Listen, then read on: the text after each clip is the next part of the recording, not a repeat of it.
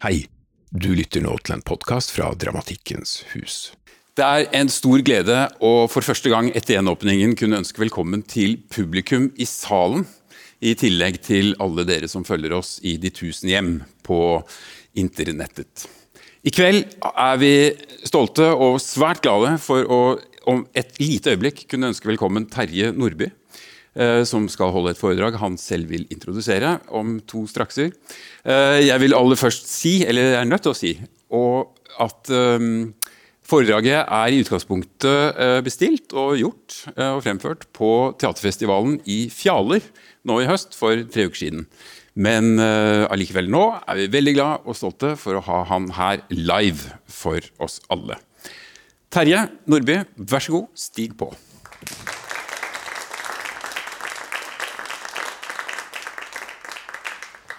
Ja, kjære fremmøtte og dere andre. Takk for invitasjonen.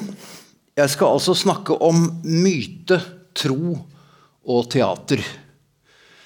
Som var en bestilling fra teaterfestivalen i Fjaler, og som gledet meg. For det er, det er, tre størrelser som jeg på en måte har befattet meg mye med, men kanskje aldri prøvde å sammenligne. Og jeg skal snakke om dem hver for seg, men også se etter sammenhenger. Og begynner med noe som for de fleste er selvfølgeligheter, men noen ganger kan det være fruktbart å forsøke å få øye på det som er så nært at du ikke kan se det. Teater er en skueplass, som ordet egentlig betyr. Og Legg merke til at det er forskjell på se og skue. Å se det gjør vi fort, men å skue da må vi vente litt. Det tar litt tid å ta inn ting. Tilskuer er en som ser på en fotballkamp ikke i ett sekund, men i to timer.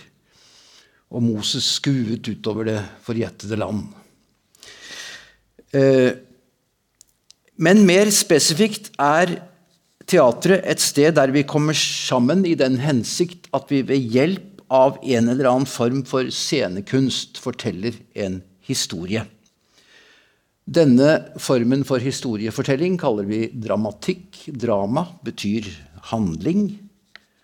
Og forskjellen fra å fortelle en vits over en, et kafébord eller kåsere, som jeg gjør her og nå, eh, det er at i teatret vises handlingen. Vi ser og hører fortellingen utspille seg i en planlagt lek der og da. Et spill som vi skuer. Altså et skuespill.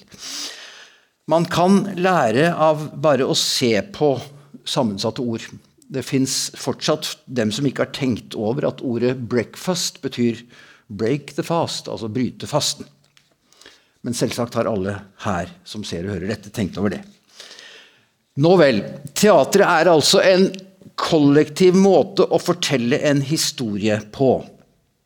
Og la oss da først dvele litt ved det sentrale i dramaet, nemlig selve fortellingen.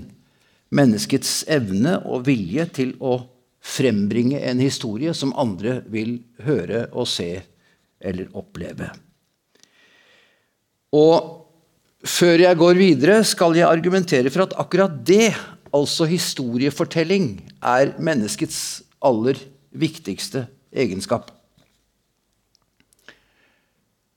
Evolusjonen har utviklet oss med hender og knær og hørsel og kjønnsorganer og medfølelse og aggresjon og intelligens. Som en slags Swiss Army-kniv med mange redskaper er vi blitt i stand til å velge make, passe på området vårt, sanke mat i villmarka eller på bunnpris Mennesket er eh, det mest sosiale dyret av alle. Vi er suverent mye mer sosiale enn noen andre dyr. Det tar 15, kanskje 25 år å bli voksen. Altså fullstendig sosialisert inn i det samfunnet vi er fullstendig avhengige av for å utvikle vår identitet. Sentralt i dette står behovet for å finne ut av våre medmennesker, slik at vi kan handle hensiktsmessig. Er det noen gode tilbud på butikken, eller er det bare lureri? Jeg var glad i henne og valgte å stole på henne. Jeg fikk ikke den anerkjennelsen jeg hadde fortjent, jeg må bli mer frempå, videre. Vi må samarbeide med våre medmennesker, og vi må konkurrere med dem. Og vi når hverandre gjennom språket. Noen har foreslått at det verbale språket ble til fordi det i Øst-Afrika tror jeg det er, eh, en gang oppsto et søkk som delte våre forfedre primatene i to grupper.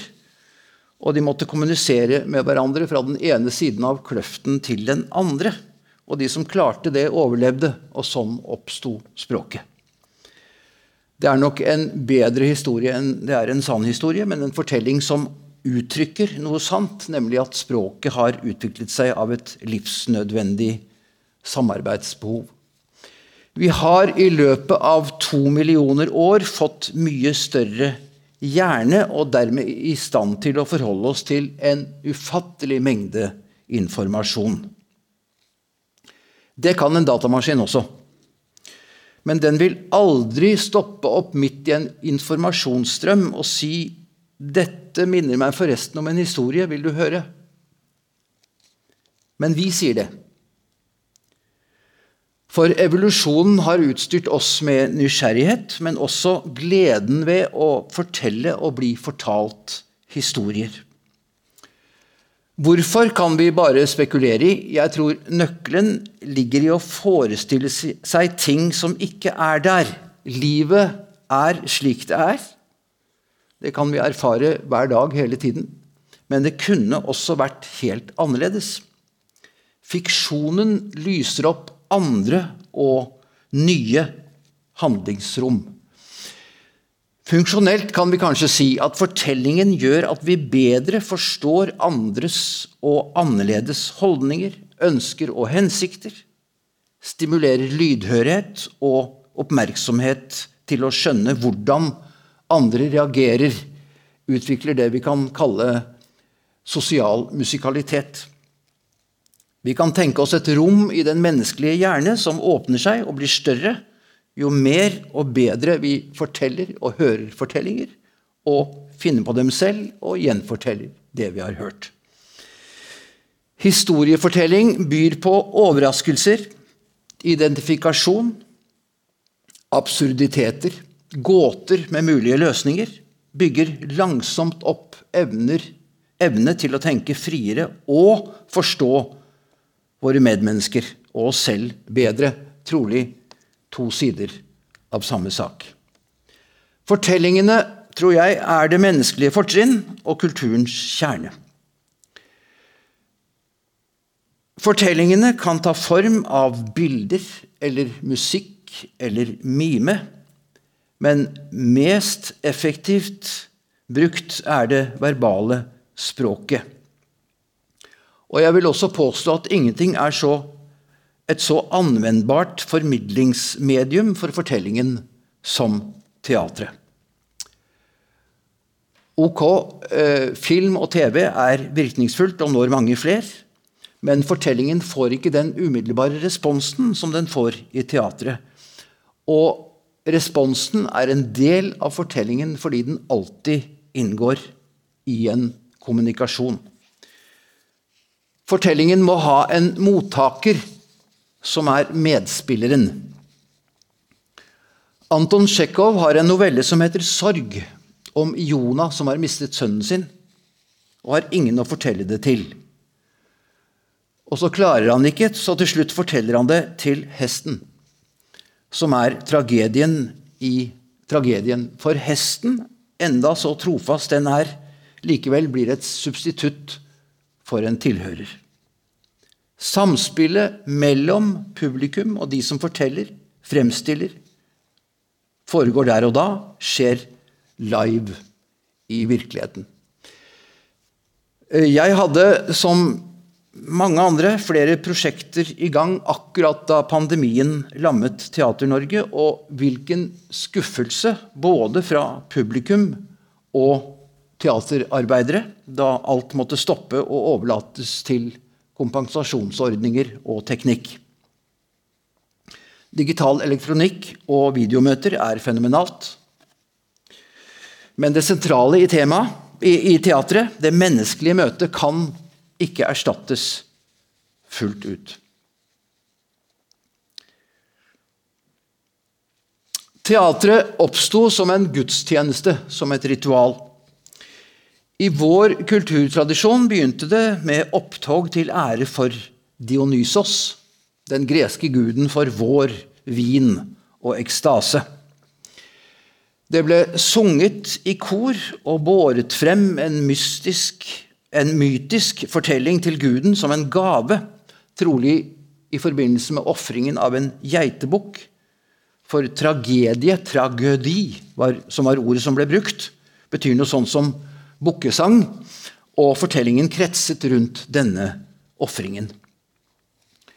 Den ellers mest kjente formen for Dionysos-styrkelse var vill, med rus og sexorgier, og trolig i en tidlig periode også menneskeofringer. Ville kvinner, kalt menader, raste rundt i skogene og dyrket Dionysos om våren som en feiring av livsglede i ekstrem form. Evripides skuespill 'Bakantinnene' er en av kildene til kunnskap om dette.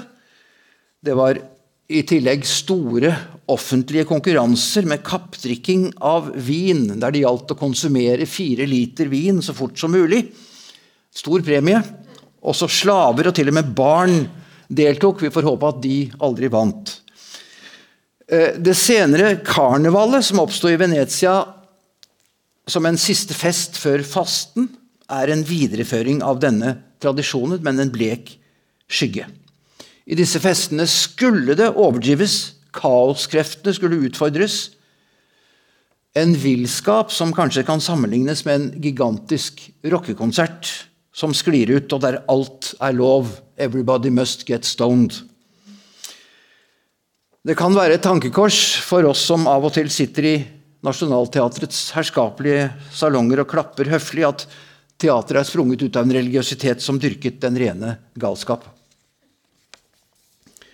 Du hører med til historien at den greske typen nyttårs- eller vårfeiring ikke er enestående i veldig mange kulturer hadde de en sånn type uh, uh, villskap rundt nyttårsfeiringen. Med et ritual der historien om verdens tilblivelse ble fortalt. Nå vel, ikke bare i gresk tradisjon, men i en rekke andre kulturer var det tilsvarende ritualer som selvstendiggjorde seg og skapte en form for teater. Men det er den greske som er bakgrunnen for uh, alt vi oppfatter som teater. Teatrets organisering og språk er derfra og fortsatt spilles som kjent de greske tragediene, som for 2500 år siden i all hovedsak var ment som aktuelle samtidskommentarer.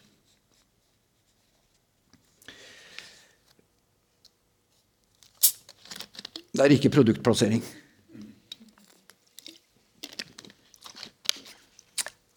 Vi skal innom en figur med et fargesprakende ytre og en mørk hemmelighet. I gammel latin sto ordet 'persona' for maske. Stemmen skulle lyde gjennom masken, 'personare', for lyd. Ordet kan også ha sin rot i etruskisk persu. Persu var en figur knyttet til dødsritualene Kanskje ledet han sjelene over til de dødes rike. Den greske dronningen av dødsriket Persefone henger muligens sammen med dette. Grekerne og etruskerne hadde sin egen utveksling av kultur. Persu bærer en sort maske. Man skal ikke se hans ansikt. På enkelte gravrelieffer har han også en mangefarget, lappete jakke eller kappe som minner om den langt senere italienske harlekin, den mest kjente figuren i senrenessansens Commedia del arte. Altså disse omreisende profesjonelle teaterensemblene som reiste rundt, spilte skuespill med faste roller, men med en eh, stadig ny vri på, på hva komedien skulle gå ut på. Harlekin er satiriker og akrobat og hans herre Pantalone er altfor gjerrig til å gi ham andre klær enn en sammenlappet drakt. Derfor denne mangefargede kappen. Og denne kappen dukker opp et annet, noe besynderlig sted i fortellingenes verden. På rådhusveggen i byen Hameln i Nidersaksen i Nord-Tyskland ble det en gang risset inn sitat i år 1284 etter Kristi fødsel på Johannes og Paulus dag den 26. juni ble fra Hameln på grunn av en fløytespiller kledd i mange farver. 130 barn født i Hameln tapt ved Kalvari nær Koppenberg. Eh, slutt. Så, sånn starter den skrevne eldste versjonen av sagnet om rottefangeren fra Hameln.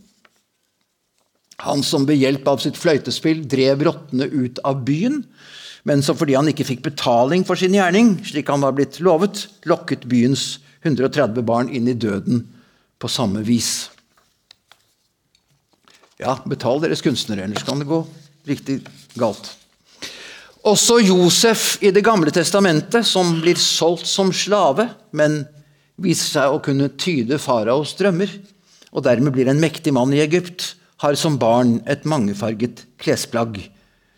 Som vi forbinder med et fattig menneske som ikke har råd til hele nye klær, men må lappe sammen gamle. Dolly Parton synger om dette i Coat of Many Colors.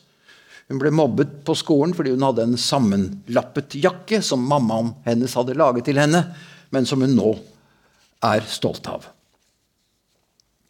De fargete lappene synes hos ham som fører han i underverdenen, de viser seg hos den mystiske, fremmede fløytespilleren som leder barn inn i døden. Den mangefargede kappen er dødens, klovnens, synske Josef, men også den fattiges stempel. Budskapet 'jeg er fattig' vrenges ut, gjøres sårbart og tydelig. Kapper eller jakker skal ikke se sånn ut. De skal være sånn som vi går med. De skal ligne andre kapper og jakker. Som masker som skjuler ansiktet, skal kappen skjule våre hemmeligheter. I teatret, i myten, i fortellingenes verden snus dette opp ned. To interessante ting å trekke ut av dette. Klovnens rutete drakt har også sin mystiske og nokså mørke historie. Og en personlighet er altså i bunn og grunn en maske.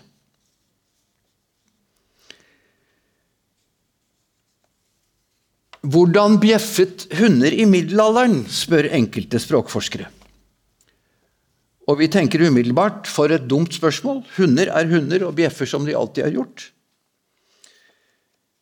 Men så sjekker vi litt nærmere. Hundenes omgang med menneskene har blitt kolossalt forandret siden den gang. Domestisert i langt større grad. Nye hunderaser er alet opp. Vi ser på hundene på en annen måte. Og språket vi gjengir hundelyder i, har utviklet og forandret seg. Og dermed vil hjernen kanskje også velge ut andre deler av hundelyden når vi hører den.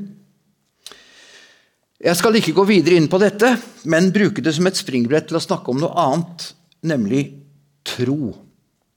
Tror vi på en annen måte enn i middelalderen, enn si oldtiden, eller slik de gjorde på 1800-tallet?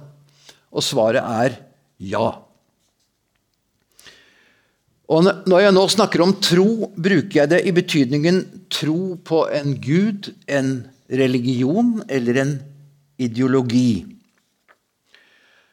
Og da begynner jeg som ofte ellers i antikken og spør hva er en gresk gud? Og Det er det skrevet tunge artikler og lange bøker om, men jeg mener jeg er i stand til å oppklare det på noen få minutter. Eh, en gresk myte forteller om prinsesse Atalante. Hun løp så raskt at kongen utfordret rikets raskeste menn til å kappløpe med henne. Men den som slo henne, skulle få henne, altså den som vant over henne, skulle få henne til kone. Men den som tapte, skulle bli halshugget.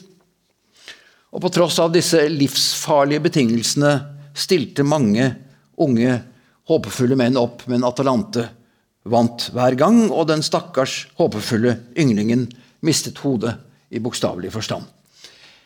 En ung mann som het Hippomenes, ville også prøve seg.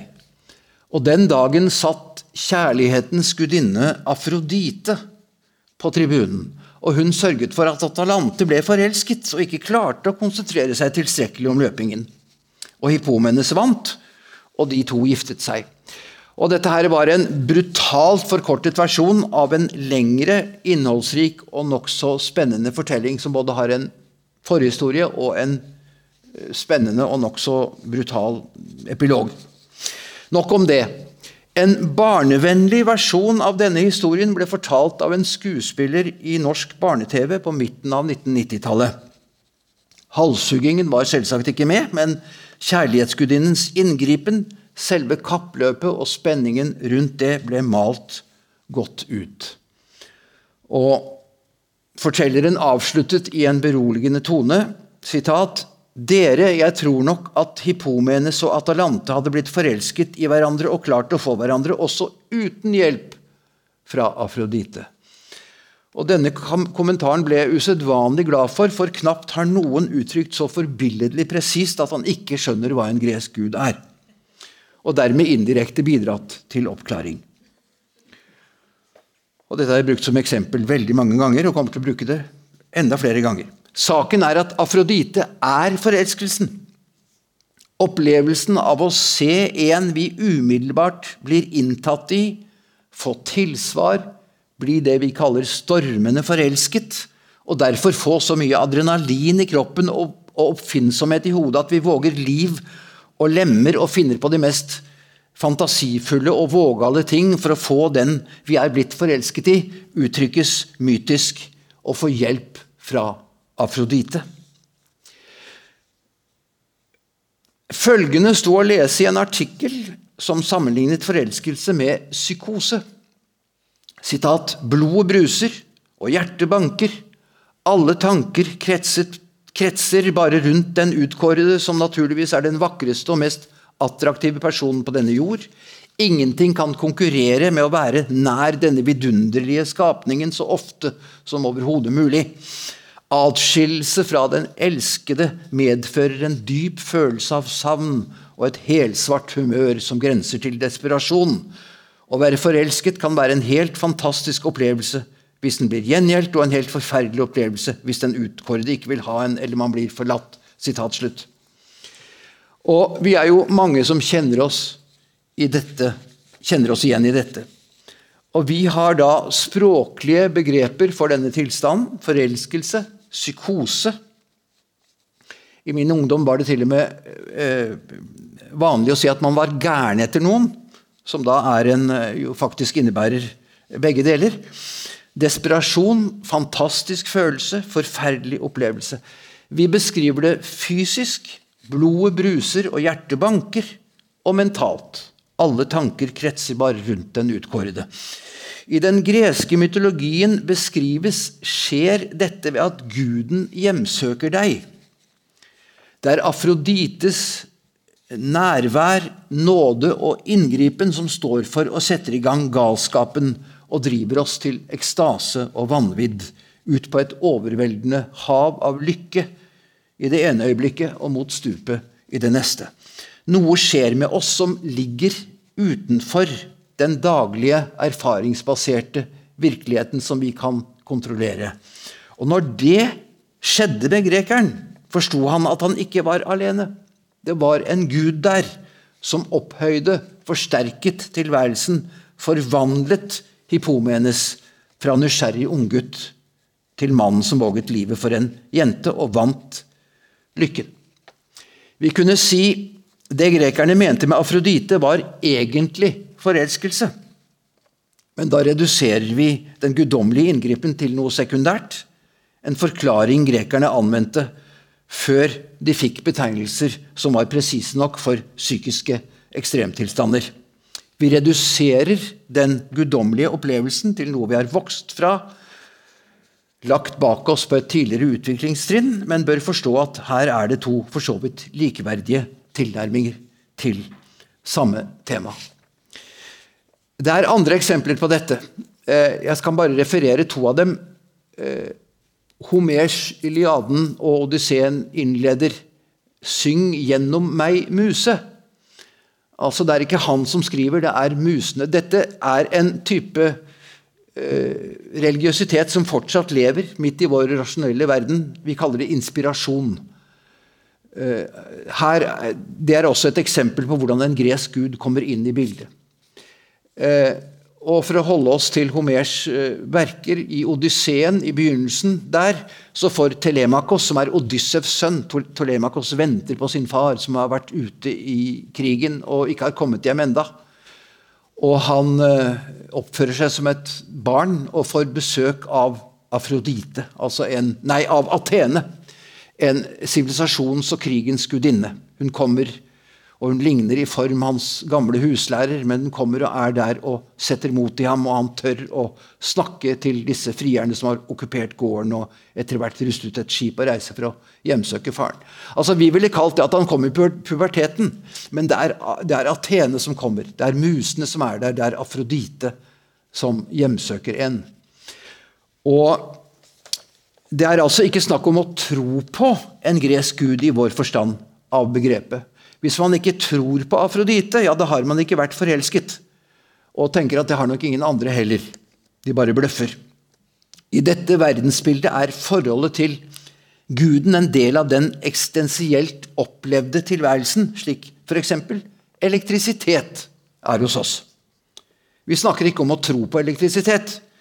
Og i en forstand finnes ikke den heller, rent objektivt, annet enn som en betegnelse vi bruker på visse fysiske fenomener som er knyttet til negativt eller positivt ladede partikler i ro eller bevegelse.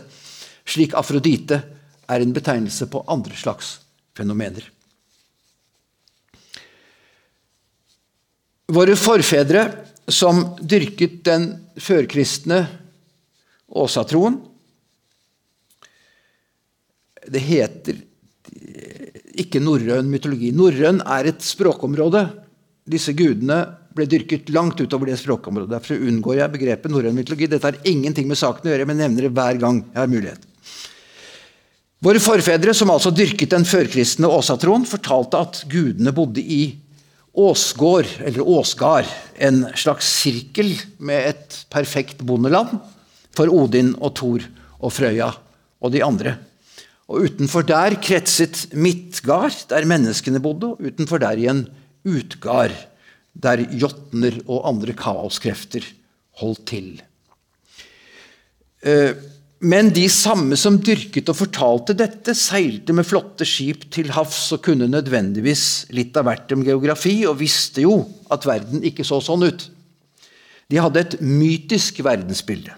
Grunnlag for fortellinger, for feiring av verden. Og det var det viktigste. Det er vi som er så opptatt av å forklare verden. Eh, nei, verden skulle ikke forklares, den skulle feires. Fortellingene og faktisk viten levde side om side nokså problemløst. Noe som de helt klart og tydelig også gjør i det gamle Hellas. Knapt noen er så religiøse som de gamle grekere. Og ikke bare forholder de seg til den empiriske vitenskapen samtidig, nei, de finner den opp. I, dialogen Faidros lar Platon vennen Faidros spørre Sokrates om han tror at en viss myte, som har med et guddommelig rov å gjøre Det er nordavinden som har røvet en kvinne som heter Oriteia. Om dette er sant? Og Sokrates svarer at det nok finnes en forklaring på hvorfor og hvordan myten har oppstått, men den slags ørkesløse spekulasjoner har han ærlig talt ikke tid til. I vår tid har tro kommet til å bety intellektuell overbevisning.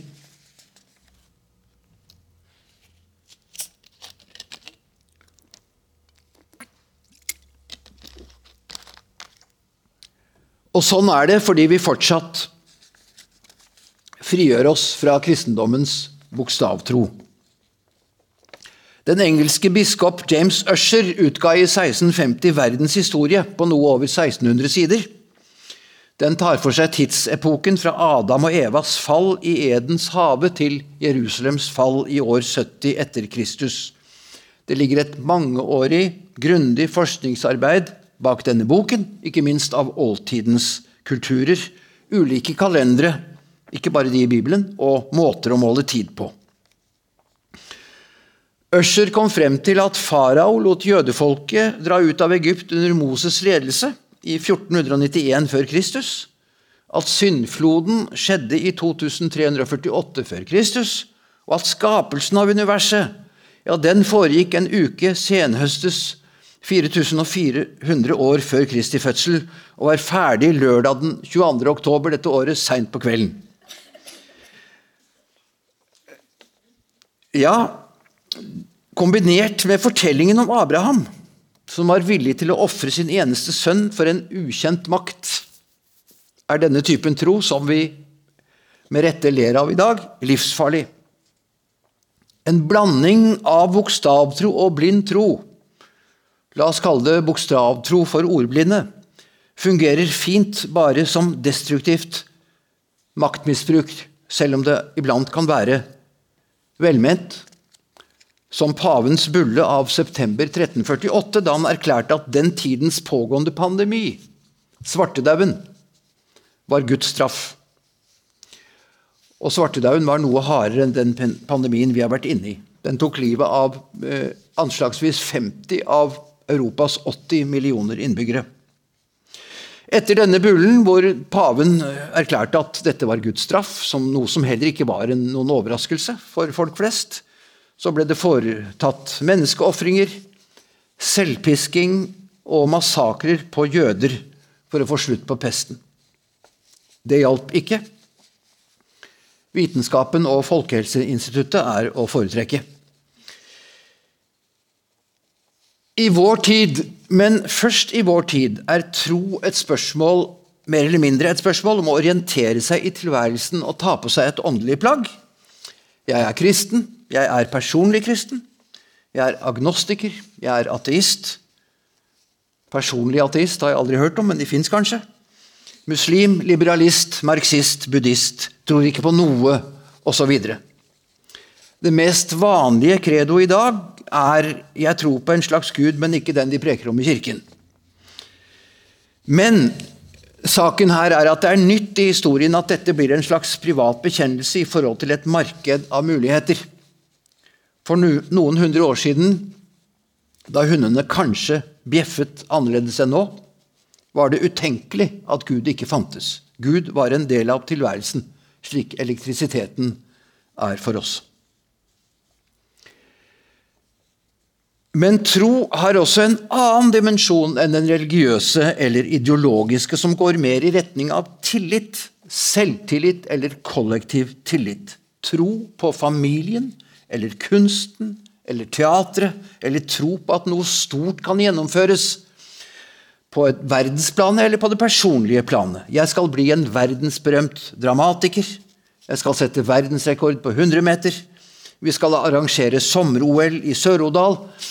En idé eller en visjon rundt noe som kan synes umulig, men som kan forårsake en produktiv, energisk streben som ellers ville vært utenkelig. Troen på at det går an å reise til Mars, eller at klimakrisen lar seg løse. Og For å belyse dette, som også er veldig interessant historisk, så skal jeg snakke litt om gull.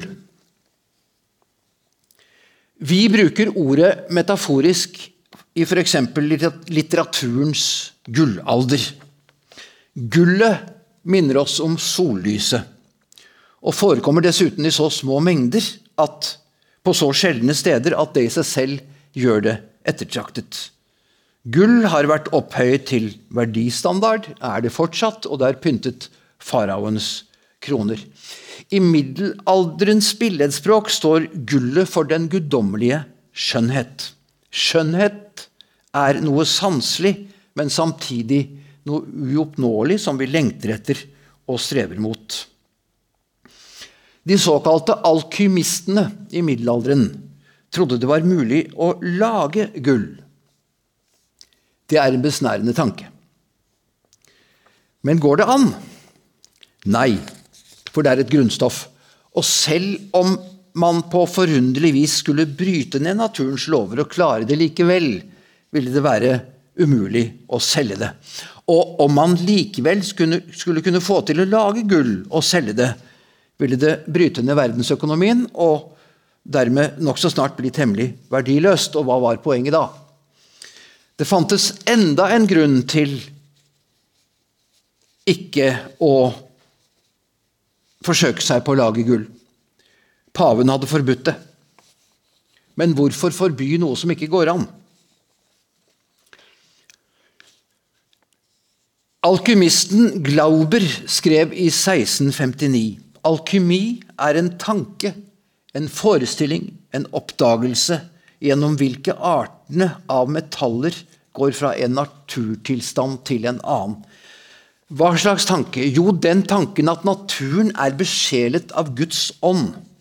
Grønnsakenes evne til å skape sine egne frø, slangens evne til å skifte skinn, livets egen forvandlingsprosess er ideen bak. Man må kunne klare å lage, naturen, å, å lage gull slik naturen selv lager gull.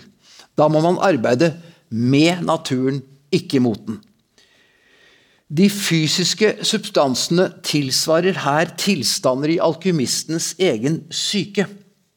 For å klare å lage gull må man altså underlegge seg Guds forvandlende lov, og dette blir alkymistens mål. Langt viktigere enn det konkrete metallet. Å frembringe et fullkomment åndelig vesen, en jordisk gud. Og sånn sett blir alkymien bildet på en åndelig forvandlingsprosess. Den urene materien skal tilintetgjøres for å gjenoppstå i fullkommen form. Alkymisten må selv bli fullkommen for, å, for, at gullet skal kunne frembringes. Og så langt kommer man aldri, men det er reisen dit som er poenget. Og det at mystikere holdt på å finne frem til Gud på egen hånd, det var farlig for pavens autoritet.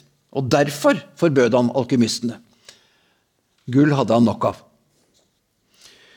Alkymistenes streben er altså en form for menneskelig foredling. Lengselen etter gull, etter skjønnhet og fullkommenhet er en omskriving for stadig å forbedre sin sjel, som Sokrates sa det.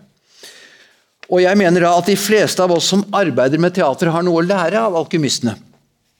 Det dreier seg til syvende og sist om å foredle sin sjel, oversatt til dagens språk, å stole på seg selv.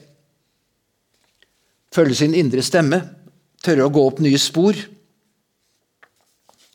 Våge å bli ledd ut. Ikke gi seg. Ta imot kritikk. Følge råd. Stå imot kritikk. Ikke følge råd. Våge å gjøre fiasko, våge å gjøre suksess, prøve ut, kommunisere, vise frem, arbeide i grupper, arbeide alene. Skape nye rom, lage teaterfestivaler på steder ingen før hadde tenkt at teaterfestivaler var mulig, og aldri gi seg. Altså Det er denne reisen mot denne ideen som kanskje er umulig, som er hele poenget. Hvorvidt alkymistene faktisk trodde det var mulig å lage gull, vet jeg ikke. Det var sikkert litt forskjellig, men de trodde på fortellingen om det. Prøve på det umulige, og det gjorde dem farlige. De tilpasset seg ikke det store trygge, lodne dyret som kalles den gjengse smak. De fant aldri gull, men hva forårsaket de? Jo, de gjorde noe mye viktigere. De la grunnlaget for kjemien som vitenskap. Forståelse av grunnstoffene, molekylene, atomene, det periodiske system. Omtrent alt som vi forbinder med medisin. Hele den moderne forståelsen av materien. Mye av vår velferd, helse og høye levealder kom til fordi noen gærninger i senmiddelalderen trodde de kunne klare å lage gull. Dette er tro i aller dypeste og beste forstand. Og Det er på tide å minne om en boktittel fra 1974. Forfatter Tor Åge Bringsvær. 'Den som har begge beina på jorda, står stille'.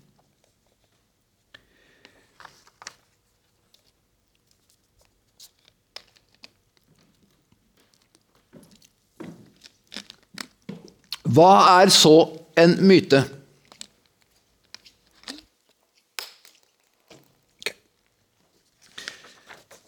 Vel, etter å ha arbeidet med dette temaet i nå 25 år, nekter jeg fortsatt å forsøke å definere det, for myten spreller og vrir seg unna definisjoner. I dagligtale oppfatter vi det som en felles vrangforestilling det er en myte at Manchester United presterer bedre med alle de kreative midtbanespillerne på banen, sto det i Dagbladet i går, tror jeg det var. Ja, hvis det ikke er sant, så er det en myte. Det er sånn vi oppfatter ordet. Slik brukes det mest. Myter i kulturhistorisk, forstand er noe litt annet. Mytos betyr fortelling, men det er ikke en hvilken som helst fortelling. Den handler gjerne om guder og helter og overnaturlige tildragelser. Springer som oftest ut av en religion, men lenge etter at vi har sluttet å tro på eller dyrke den religionen, så fortsetter vi å fortelle myten, ofte med nye variasjoner, og av og til hopper den inn i en neste religion. Fordi det er en grunnfortelling som vi tilsynelatende trenger i så stor grad at vi ikke vil gi slipp på den. Og det er fordi mytene står sentralt i den menneskelige syke. De er livsnødvendigheter. Det er gode eksempler på hvor mye de er til stede bare i språket. Vi har oppkalt musikken etter musene, som jeg nevnte i stad. Geografien etter den greske jordgudinnen Gea. Guden for kunst og musikk, Apollon, spilte lyre når det ble lest opp og sunget dikt. Derfor ble det hetende lyrikk. Den greske skogsguden Pan var en fredelig naturånd. Men ble han forstyrret i ettermiddagssøvnen sin, satte han i et plutselig skrik som satte inn slik angst i den som hørte det, at vedkommende løp vekk i vill skrekk. Og fortsatt kaller vi denne tilstanden for panikk. Mytene er våre grunnfortellinger. Med dem skal vi feire livet lære en hel masse og ta oppmerksomheten bort fra trivialitetene og til det vesentlige. Og de lever lenger, og enda mye lenger enn vi kan forestille oss. Det første samfunnet som vi vet hadde skriftspråk, var Sumer i det nåværende Irak.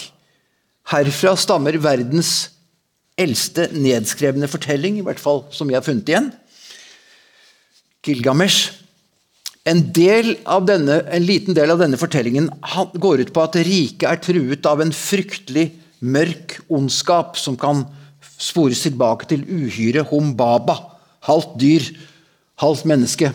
Han bor i en grotte i en fjern del av verden, og det dreier seg om å hamle opp med dette monsteret for å redde riket. Gilgamesh, helten som akkurat har hatt helt andre problemer å stri med, går til våpensmedene, som utstyrer han med tidens mest høyteknologiske våpen, en stor bue og en mektig øks. Gilgamesh legger seg ut på en lang og farlig reise til han til slutt står ansikt til ansikt med monsteret. Det ser ut til at uh, han, uh, han, han kjemper mot uovervinnelige og overnaturlige krefter. Han kan ikke klare det, men han klarer det da til slutt så vidt allikevel, og kommer seirende tilbake og riket er reddet. Dette er altså en 3500 år gammel historie. For 59 år siden ble den første James Bond-filmen lansert. Den handler om at Vesten er truet av en fryktelig mørk ondskap som kan spores tilbake til uhyret dr. No. Gal vitenskapsmann, halvt kineser og halvt tysker. Humbaba var halvt dyr, halvt menneske. Dette er på en tid hvor Kineserne truer litt med kommunismen i øst, og det er ikke så lenge etter annen verdenskrig. Dr. Julius Noe holder til i en mørk grotte i en fjern del av verden, nemlig Jamaica. Kanskje ikke så fjern for oss, men det er fjernt. Det dreier seg om å hamle opp med dette monsteret, og James Bond, helten i fortellingen, en britisk agent som har helt andre problemer å stri med, alkohol og kvinner osv., blir utstyrt med helt spesielle våpen, høyteknologiske oppfinnelser i tiden Eh, det fortelles i. Biler som kan fly, lightere som kan utløse eksplosjoner osv. Han finner Dr. No. Det ser ut som han kjemper mot overnaturlige krefter, kan ikke klare det, men kommer likevel seirende tilbake, og riket er reddet. Altså nesten i detalj, i hvert fall i deler, samme fortellingen med 3500 års mellomrom.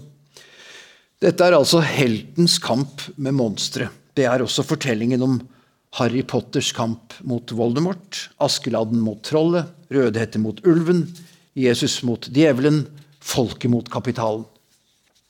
Monsteret kan være en forbryter, eller vampyren Dracula, eller en mafiabande eller en demon. Helten er en som vi skal identifisere oss med, holde med, og kampen skal være spennende, og helten, dvs. Si vi, skal vinne.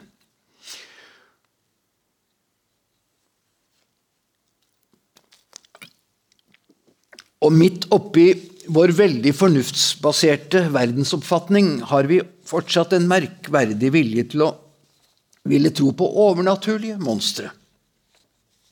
Et eksempel. Sommeren 1933 meldte en lokalavis i Skottland om uforklarlige krysninger, krusninger på vannet i landets dypeste innsjø, Loch Ness. Opplysningene strømmet så inn fra veiarbeidere, fiskere og gjennomreisende. Britiske riksaviser blir interessert og gir sjøormen, som nå flere, sjøormen, som nå flere har sett, kjælenavnet Nessie.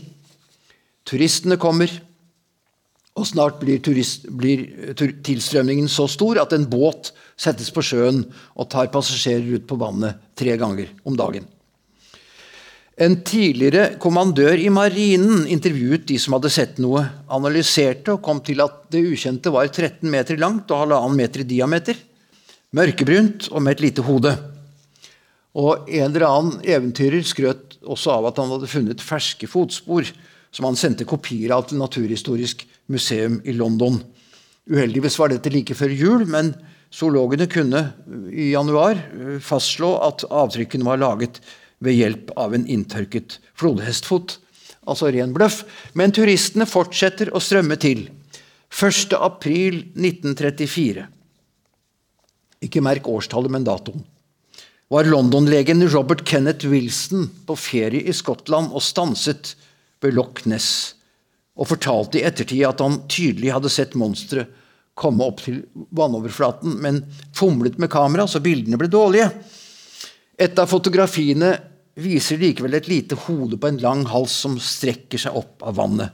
Og Dette er kjent som selve bildet av uhyret i Loch Ness. Myte på foto. Jeg husker jeg så jo dette i min lokalavis Glåmdalen da jeg var barn og syntes det var veldig skummelt. Eh, det ble så mye oppstyr rundt dette at Wilson tok med seg familien og flyttet til Australia. Og 60 år etter, i 1994, ble fotografiet avslørt som falsum. Og selvsagt, ryktet om Loch Ness er en turistfelle. Men for mytologen er ikke mysteriet dermed oppklart. Nei, det er her det begynner. For hvorfor dikter vi det hele tatt opp dette monsteret? Og hvorfor skaper det så mye støy? Da jeg holdt dette foredraget på Fjaler, så var det en dame som kontaktet meg etterpå og sa hvorfor snakker du ikke om selvjord? Og det Svaret på det er jo at det er mindre litteratur, og jeg vet mindre om selvjord. Men jeg sjekket litt opp etterpå. Der har altså kommunen eh, investert i en brygge. En sjøormbrygge. Så kan man gå ut på brygga og se på sjøormen. Så eh, mytene har da også innvirkning på kommunale budsjetter i vår tid. Denne sjøormen, hva er den? Jo, den er mytologisk sett en drage som lever under vann. Dragen er en inkarnasjon av ildsprutende ondskap. Verdens mest utbredte fabeldyr. Monster nummer én. En eldgammel beretning forteller for øvrig at den selvsamme sjorben som ble sett på 1930-tallet i Loch Ness, ble skremt til døde av det kristne kors for 1500 år siden. Og sånn ble Skottland et kristent land. Nok om det. Man skal være forsiktig med å tolke myter, men jeg hadde nær sagt man skal ikke være for forsiktig heller. Dragen er utvilsomt et symbol på grådigheten, det ødeleggende begjæret etter rikdom og makt. Det den er interessert i, er eh, gull, mat og jomfruer. Altså sex, eh, konsumering og rikdom. Eh, og dette er det livsfarlig fortærende, både for kulturen og mennesket. Må skynde meg å si kom jeg på nå at i Kina har de en annen type drager, som er mer en sånn naturkrefter, og som eh, forener seg med menneskene. Men dragene i Europa, eh, for dem gjelder det jeg sa. Det er det livsfarlige fortærende for både kulturen og mennesket, og sånn forstått blir det mening i at helter bruker så mye krefter på å bekjempe dem. Skal individet og samfunnet leve et fullverdig liv, må indre monstre bekjempes. Monstre som lokker oss til å tro at det gode liv handler om å tjene mest mulig penger, oppnå mest mulig velferd, leve konsumorientert og hengi oss til kortvarige, overflatiske nytelser. Dette er derfor de mest seiglivede av fiender. Greske Perseps bekjempet dem, Daniel i Det gamle testamentet og Georg, den kristne ridder. Og I en sånn sammenheng så eksisterer sjøormen i Loch Ness som et mytisk bilde det ikke er mulig å bestride ektheten av. Og I en sånn sammenheng blir det mening i at vi forteller om heltens kamp mot monstre. Om igjen, om igjen og om igjen. Vi må det, for det er en grunnfortelling, en myte.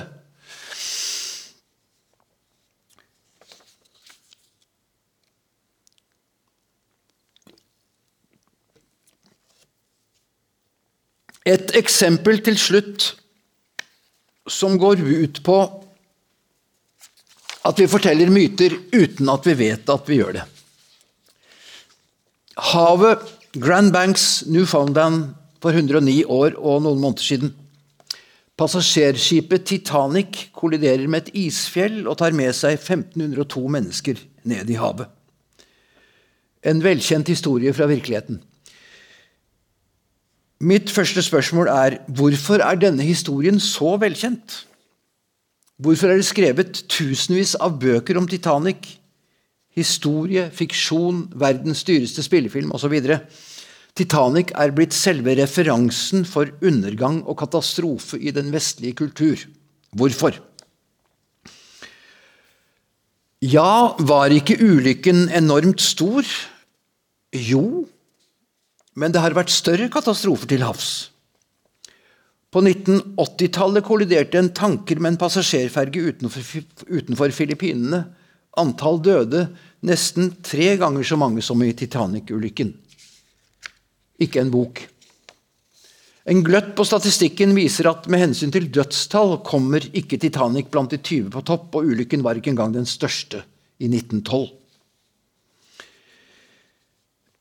Professor i kommunikasjon ved universitetet i Leeds, Richard Howells, skrev i 1999 myten Titanic, der han tar for seg forholdet mellom våre forestillinger om forliset og det som faktisk skjedde. Interessant bok. Jeg skal bare berøre to eksempler. Orkesteret skulle ha spilt 'Nærmere deg, min Gud' på dekk idet skipet sank. Ok. Det viste seg at det har vært stor forvirring blant noen av de overlevende om hva orkesteret spilte, og om de i det hele tatt spilte på dekk. Og det ene vitnet, og det var bare ett, som fortalte at det var nærmere deg, min Gud, forlot skipet i god tid før det sank, og kan derfor ikke ha hørt noe som helst. Hun skal dessuten ikke ha vært helt edru da hun ble intervjuet. Og ifølge andre vitner kan ikke dette ha skjedd. Bandet spilte ikke på dekk, og aldri nærmere deg, min Gud. Personlig kunne jeg lyst til å legge til at etter å ha spilt i forskjellige danseband, så er det veldig sjelden at man har begravelsessalmer på repertoaret. Men denne episoden var altså nyhet dagen etter i The Observer og er blitt gjenfortalt i en mengde rapporter, dokumentarer, bøker og avisartikler som refererer til hverandre. Man sugde til seg denne nyheten. Eksempel to. Når heltinnen i James Camerons film 'Titanic' ser opp på båten i Southampton, sier hun så dette er skipet de sier ikke kan synke. Og kjæresten, som jeg ikke husker hva heter, men spilles av Leonardo DiCaprio, bekrefter betryggende. No, my love. Og en lang rekke romaner og faktabøker har gjort det påstått usynkelige skipet til et hovedpoeng. Amerikaneren Walter Lord, som skrev selve faktahistorien om Titanic i 1956, bekrefter i en revidert versjon fra 1978 at til og med rederiet White Star Line hevdet at båten var usynkelig. Alle sa det, skriver han. Og en mengde forfattere refererer til ham igjen og gjentar at alle mente at Titanic ikke kunne synke. Men dette har Howells undersøkt, og det viser seg at det første skriftlige tegn på at noen overhodet tenker på Titanic som et skip ikke kunne, som ikke kunne synke, kommer fra The Times etter ulykken. Ingen som hadde tegnet eller bygd Titanic, kalte skipet usynkelig. Ingen som eide det eller administrerte det. Ingen snakket i alvor om Titanic som skipet som ikke kunne synke, før etter at det hadde sunket. Det ville da også ha vært usedvanlig merkelig at man på begynnelsen av 1900-tallet skulle tro at man hadde klart å oppheve naturlovene, men det var det altså ingen som trodde heller. Saken er at denne begivenheten, som jo var reell nok, for all del, den er blitt en myte. Og denne typen myter farges med elementer som passer inn, og som vi tror på fordi vi vil at det skal ha vært slik. Og så må vi huske på at bakgrunnen for denne myten ikke bare var at et stort passasjerskip sank, men verdens største, og dessuten at skipets orden reflekterte klassesamfunnet.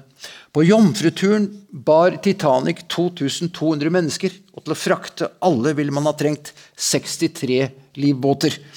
Men for å utstyre skipet med dem ville det ha vært nødvendig å bruke et av promenadedekkene. Derfor hadde Titanic bare 20 livbåter. 60% av passasjerene på første klasse overlevde, 25% av de på tredje.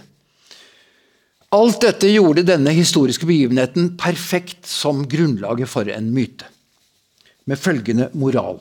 Så fåfengte og jålete og selvsikre er vi mennesker at vi deler oss inn i klasser og tror vi seiler på et skip som ikke kan synke, at vi kan nå Guds høyder. Det straffer seg.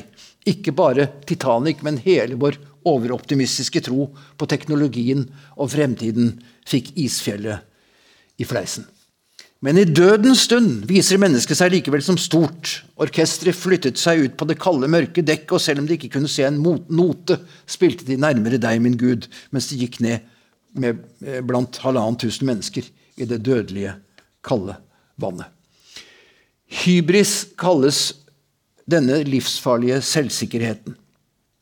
Grekerne hadde mange fortellinger om hybris, som den om Pelops, som ble så smigret at han, av at han ble invitert inn i gudenes selskap, og han ble, at han ble gal og drepte sin egen sønn for å servere ham som mat til gudene når de kom. Da gjorde de det, guden, de greske gudene det sjeldne unntak at de satte sønnen sammen igjen. Og, og, men faren Pelops gikk det fryktelig galt med. Fra den jødisk-kristne verden heter det i en av mytene om djevelens opprinnelse at han var en av Guds engler, men stilet for høyt og dermed falt ned i den dypeste avgrunn og ble til Satan. Vi forteller jo ikke disse historiene lenger, men vi forteller om Titanic fordi også vi ø, trenger en hybrismyte. Og vi forteller den ikke rundt leirbålet eller i gudstjenesten, men gjennom saklige artikler, aviser og bøker, for det er det vi fester tillit til, ikke noe annet. Vi vet ikke at myten har tatt plass der, men det har den gjort, for dens kraft er sterkere enn strømmene som tok med seg Titanic ned i havet. Myter, tro og teater. Ja, nå har jeg snakket litt om hver av dem, og om hvordan de eh, av og til griper inn i hverandre, og på vesentlige punkter og av og til på forunderlig vis henger sammen. Og jeg mener vel at vi som arbeider i teatret, er, enten vi vil det eller ikke, i en slags myteleverandører for vår tid. Vi er ikke det eneste, men vi er det. Og sett litt utenfra burde kommunikasjonsteknologi, film, TV og gigantiske serieproduserende nettplattformer ha tatt livet av teatret for lengst. Men det lever i beste velgående og i flere fasonger enn noen gang, ikke bare i Norge. Det har muligens med tro å gjøre. Troen på teatrets egenverdi. og forandrende kraft. Aristoteles kalte det katarsis, renselse. En tro sannsynligvis like vill som alkymistenes tro på at det gikk an å lage gull, og nettopp derfor bør vi tviholde på den. Takk for meg.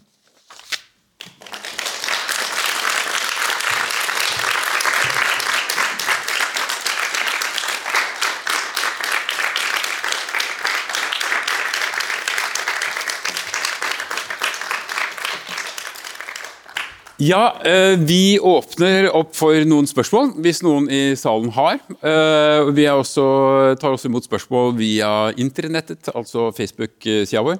Eh, det er spørsmål jeg da får på telefonen min, så det blir en liten sånn teknologisk situasjon der. Men hvis noen vil stille Terje noen spørsmål her og nå, så sitter Pernille der borte med en mikrofon som dere får. Og grunnen til det er at vi driver og lager podkast av dette samtidig som vi strømmer. Så alle er oppmerksomme på det. Var det noen der borte i mørten? Da skal jeg se på telefonen om noen har kommet. Uh, hva står det her? Uh, ja. Nei. Dette er så overveldende og fullspekket at uh, Ja. Vær så god, nå får du mikrofonen av Pernille. Takk. Um, takk for foredraget. Uh, og mitt spørsmål er um, Ettersom du jobber med mytologi og ser på hva slags myter som fins i samfunnet som vi bruker, uh, er det noen myter du ser i samtiden som vi går til ofte? Eh, jeg er ikke helt sikker men jeg skjønner spørsmålet ditt. Om du mener om det er noen myter i samtiden? Eh, kan du, kan du presisere litt hva, ja. du, hva du spør om? Eh, jeg skal prøve. For det fins et utall myter. Men er det noen myter som du ser som vi på en måte bringer opp sånn, ja. nå, som er liksom ekstra aktuelle nå? Som man jobber seg gjennom på noe vis? Eller snakker om?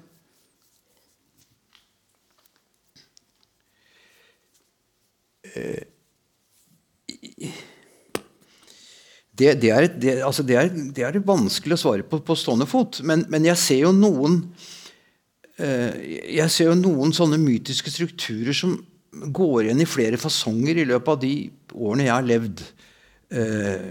F.eks. For forestillingen om en gull At var, alt var bedre før. Det var jo virkelig ikke det. Uh, nesten uansett hva vi snakker om. Men den der forestillingen om, om fordums, et fordums paradis, en gullalder, det at folk levde enklere og var lykkeligere eh, Folk tror vel at middelalderen er omtrent som livet på hytta, og så, sånn er det jo ikke. Ikke sant? Eh,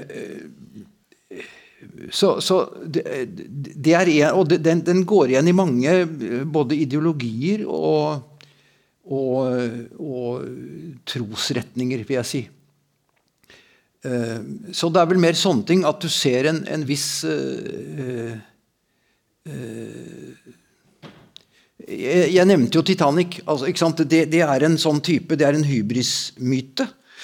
Uh, og, og, og sånne, sånne, ting kan jo, kan jo komme stadig vekk i, i forskjellige former. Eh, så, så det, det, det, dreier seg vel egentlig mer om å altså jeg, jeg, jeg, er ikke profet og kan se spesielle myter som gjelder for f.eks. 2000-tallet, som ikke gjaldt for 1900-tallet. Eh, men, eh, men og, altså Helten mot monsteret, den går jo igjen. ikke sant? Det er, i, i, min ungdom, så var det, i min barndom i hvert fall, så var det cowboy og indianer. det, det i dag er monsteret eh, gjerne mafiaen, som vi, som vi, lager til fiksjon, og syns at Sopranos og sånne ting er, er fint å se. og Der, der går og, og, også disse her lovløse uh, gruppene som av og til blir antihelter. Uh, fordi at vi, vi, vil jo gjerne i vår tid, og vi har, vi har det veldig trygt. Vi, vi, vil, vi, vil, gjerne sitte så trygt som mulig og ha til og med sånn innbruddsalarm. og Og, og, men, men vi, de vi ser på Vi ser gjerne på familien Corleone som er i livsfare hele tiden. Altså den der risikosøkingen eh, tror jeg nok blir, Risikosøkingen i fiksjon blir større jo tryggere vi har det. Jo, jo, jo mer utrygt vil vi gjerne at folk som vi leser om eller ser på film, skal ha det.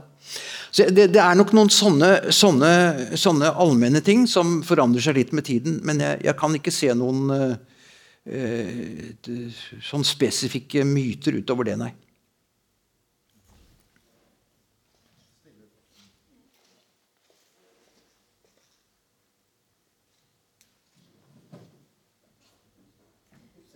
Sånn. Eh, jo, takk for foredraget. Eh, spørsmålet, vet ikke, Jeg vet ikke om det er et spørsmål engang, men hvis man ser på to av de mest si, radikale ytterpunktene liksom, i vår nærliggende kultur På den ene siden det som oppleves som en nesten en sånn type sum av alle myter. Game of Thrones, hvor ja, ikke minst, Det er vel tre drager, ikke bare én, osv. Det, er liksom, det som om hele serien er en slags ja, nesten sånn, De har presset så mange myter inn i fortellingen at det er nesten umulig ikke å bli tiltrukket av den. mens det som... Så kan du, kan skru lyden litt høyere? Ja, jeg hører nesten at jeg ikke snakker høyt nok. Skal jeg begynne? Ok, Game of Thrones som en mytologisk sum av en endeløs rekke fortellinger hvor alt på en måte synes å ha mytologisk innhold. Alt er gjenkjennelig, men satt i nye sammenhenger, er ytterpunktet. Men så har vi også da vår nummer én i vår samtidslitteratur som er ufattelig nedpå, nesten mytologisk tom. For eksempel da, ja, for Uten å ironisere, dette sier jeg helt uten ironi, Knausgård, hvor spørsmålet er om man skal gå på babysvømming eller ikke. Eh, hvordan kan du forklare for jeg skjønner ut fra foredraget så skjønner jeg godt at Game of Thrones er så populært, men hvordan kan vi forklare intimitetslitteraturen og vår moderne realisme som er så nedpå? Fins det myter der som vi ikke aner, eller er det at vi også har behov for hverdagsligheten som er tom for myter? Veldig rart spørsmål. spørsmål. Nei, det, det, ja, det, det, er ikke noe rart spørsmål, og jeg, jeg kan ikke svare på det, tror jeg. Uh, jeg, jeg, tror vel at hvis du ser på den lære nå med, Du skal gå ut litt sånn ut av mytebegrepet, men hvis du ser på den nære kulturhistorien, litteraturhistorien ja, ta, ta, barnelitteraturen, da. Så, så, ser du veldig mye bølger. Altså, vi, Jeg vokste vokst opp med Anne-Cath. Vestli og Alf Prøysen. Uh, og, og, så var det en type sånn politisk korrekt kjøkkenrealisme som behersket 70-tallets barnelitteratur. Og plutselig, og ikke bare i Norge, over hele Europa, og også vil jeg tro andre steder. Og så kommer plutselig dette herre uh, Hobbit-universet, så kommer uh, Harry Potter-universet, så kommer det der enorme behovet for, for, magi, og så kommer dataspillene omtrent samtidig, og det, det er ikke ende på det. Det, det, tar av. Og, og ingen syns at, at uh, de hverdagslige tingene er noe gøy lenger. Dette er da barn. Og, og jeg, jeg, tror at uh, Og så kommer vi sikkert i en ende av dette og, og gjenoppdager de nære historiene. Og jeg, jeg, jeg tror mer at, at, det dreier seg om det. At det dreier seg om en type uh, bølger, motebølger om du vil, som sikkert kan forklares sosiologisk. Det, det kan ikke jeg gjøre. Men, men øh, øh, jeg, jeg, jeg, tenker meg altså Når det gjelder På den ene siden Det, er jo komplekst òg, for, fordi at samfunnet blir mer komplekst i en viss forstand. I mediemessig forstand. Altså Vi får mye mer informasjon. Og vi kan velge å gå ut i den informasjonen og prøve å sortere så godt vi kan. Og vi kan velge å stenge oss helt ut fra den. Og det er klart at, at uh, du, du, vil vel oppleve den dikotomien at på den ene siden så har du all verdens muligheter og skal kjøpe noe nytt nå for å få enda en plattform. Og så har du hele tiden behov for dette menneskelige. ikke sant? Så så det at det både er plass til Knausgårds eh, nærsyn her og, og til Game of Thrones, det syns jeg for så vidt ikke er noe merkelig. Eh, men det, det er mulig at det, er, det, tilhører vår tid at det er plass til begge to på en gang. Det, det tror jeg faktisk eh, er fordi det er mer plass i det hele tatt. Fordi mediebildet er så stort at det nesten er uoversiktlig. Men dette sier jeg som legmann og konsulent, nei, konsument, mener jeg, og ikke som uh, mytolog. Jeg, jeg vet ikke spesi spesifikt mye om det. Jeg har tenkt grundig gjennom dette.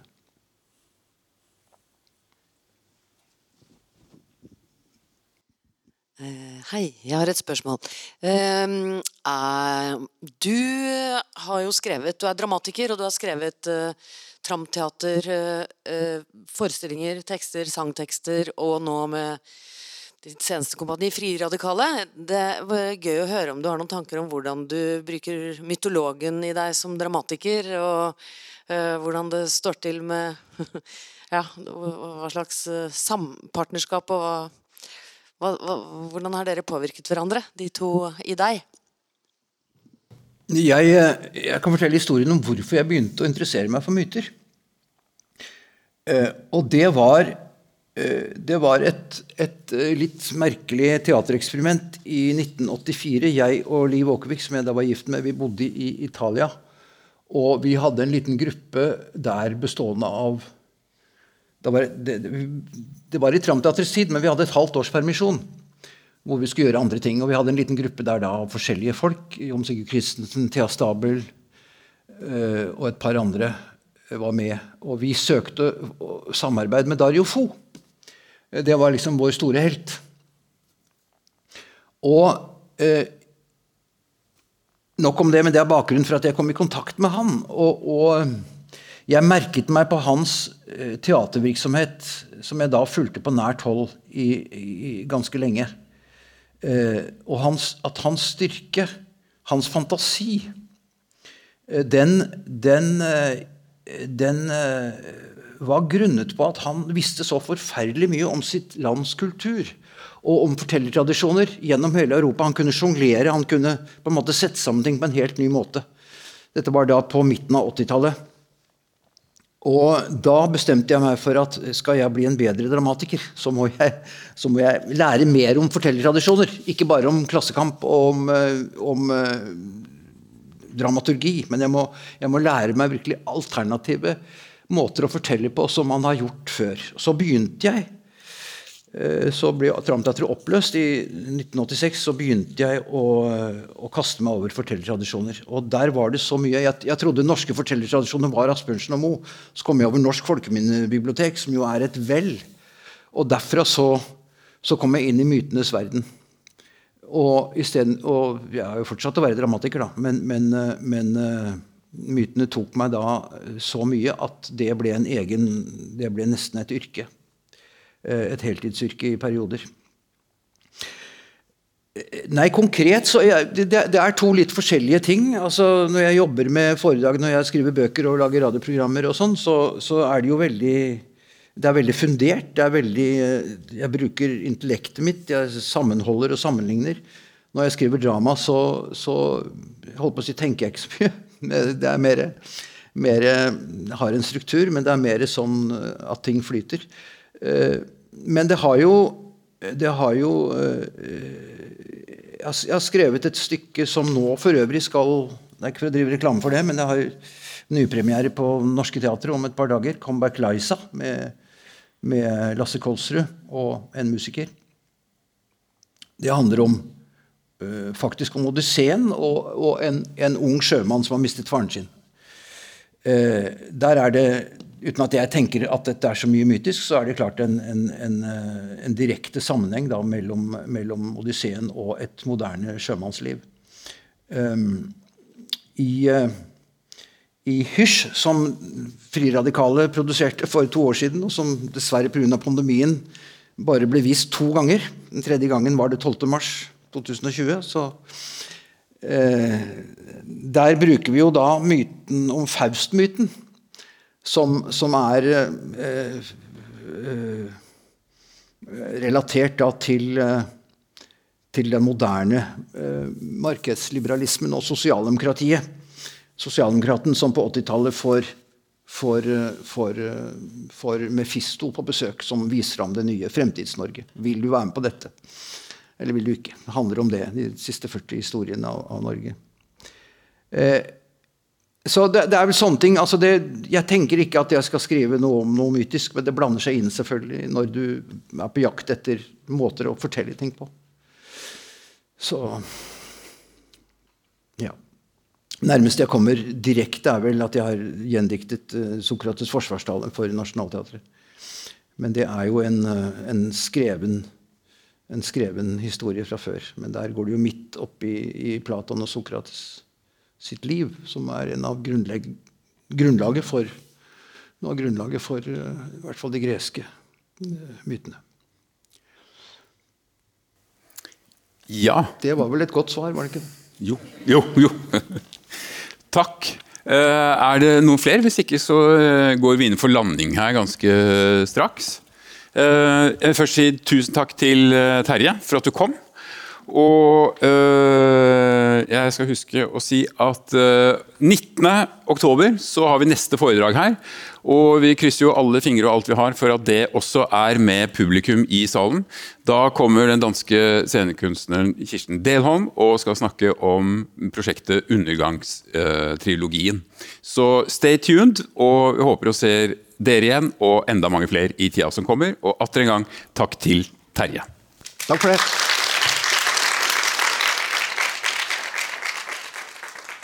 Du har hørt en podkast fra Dramatikkens hus 2021.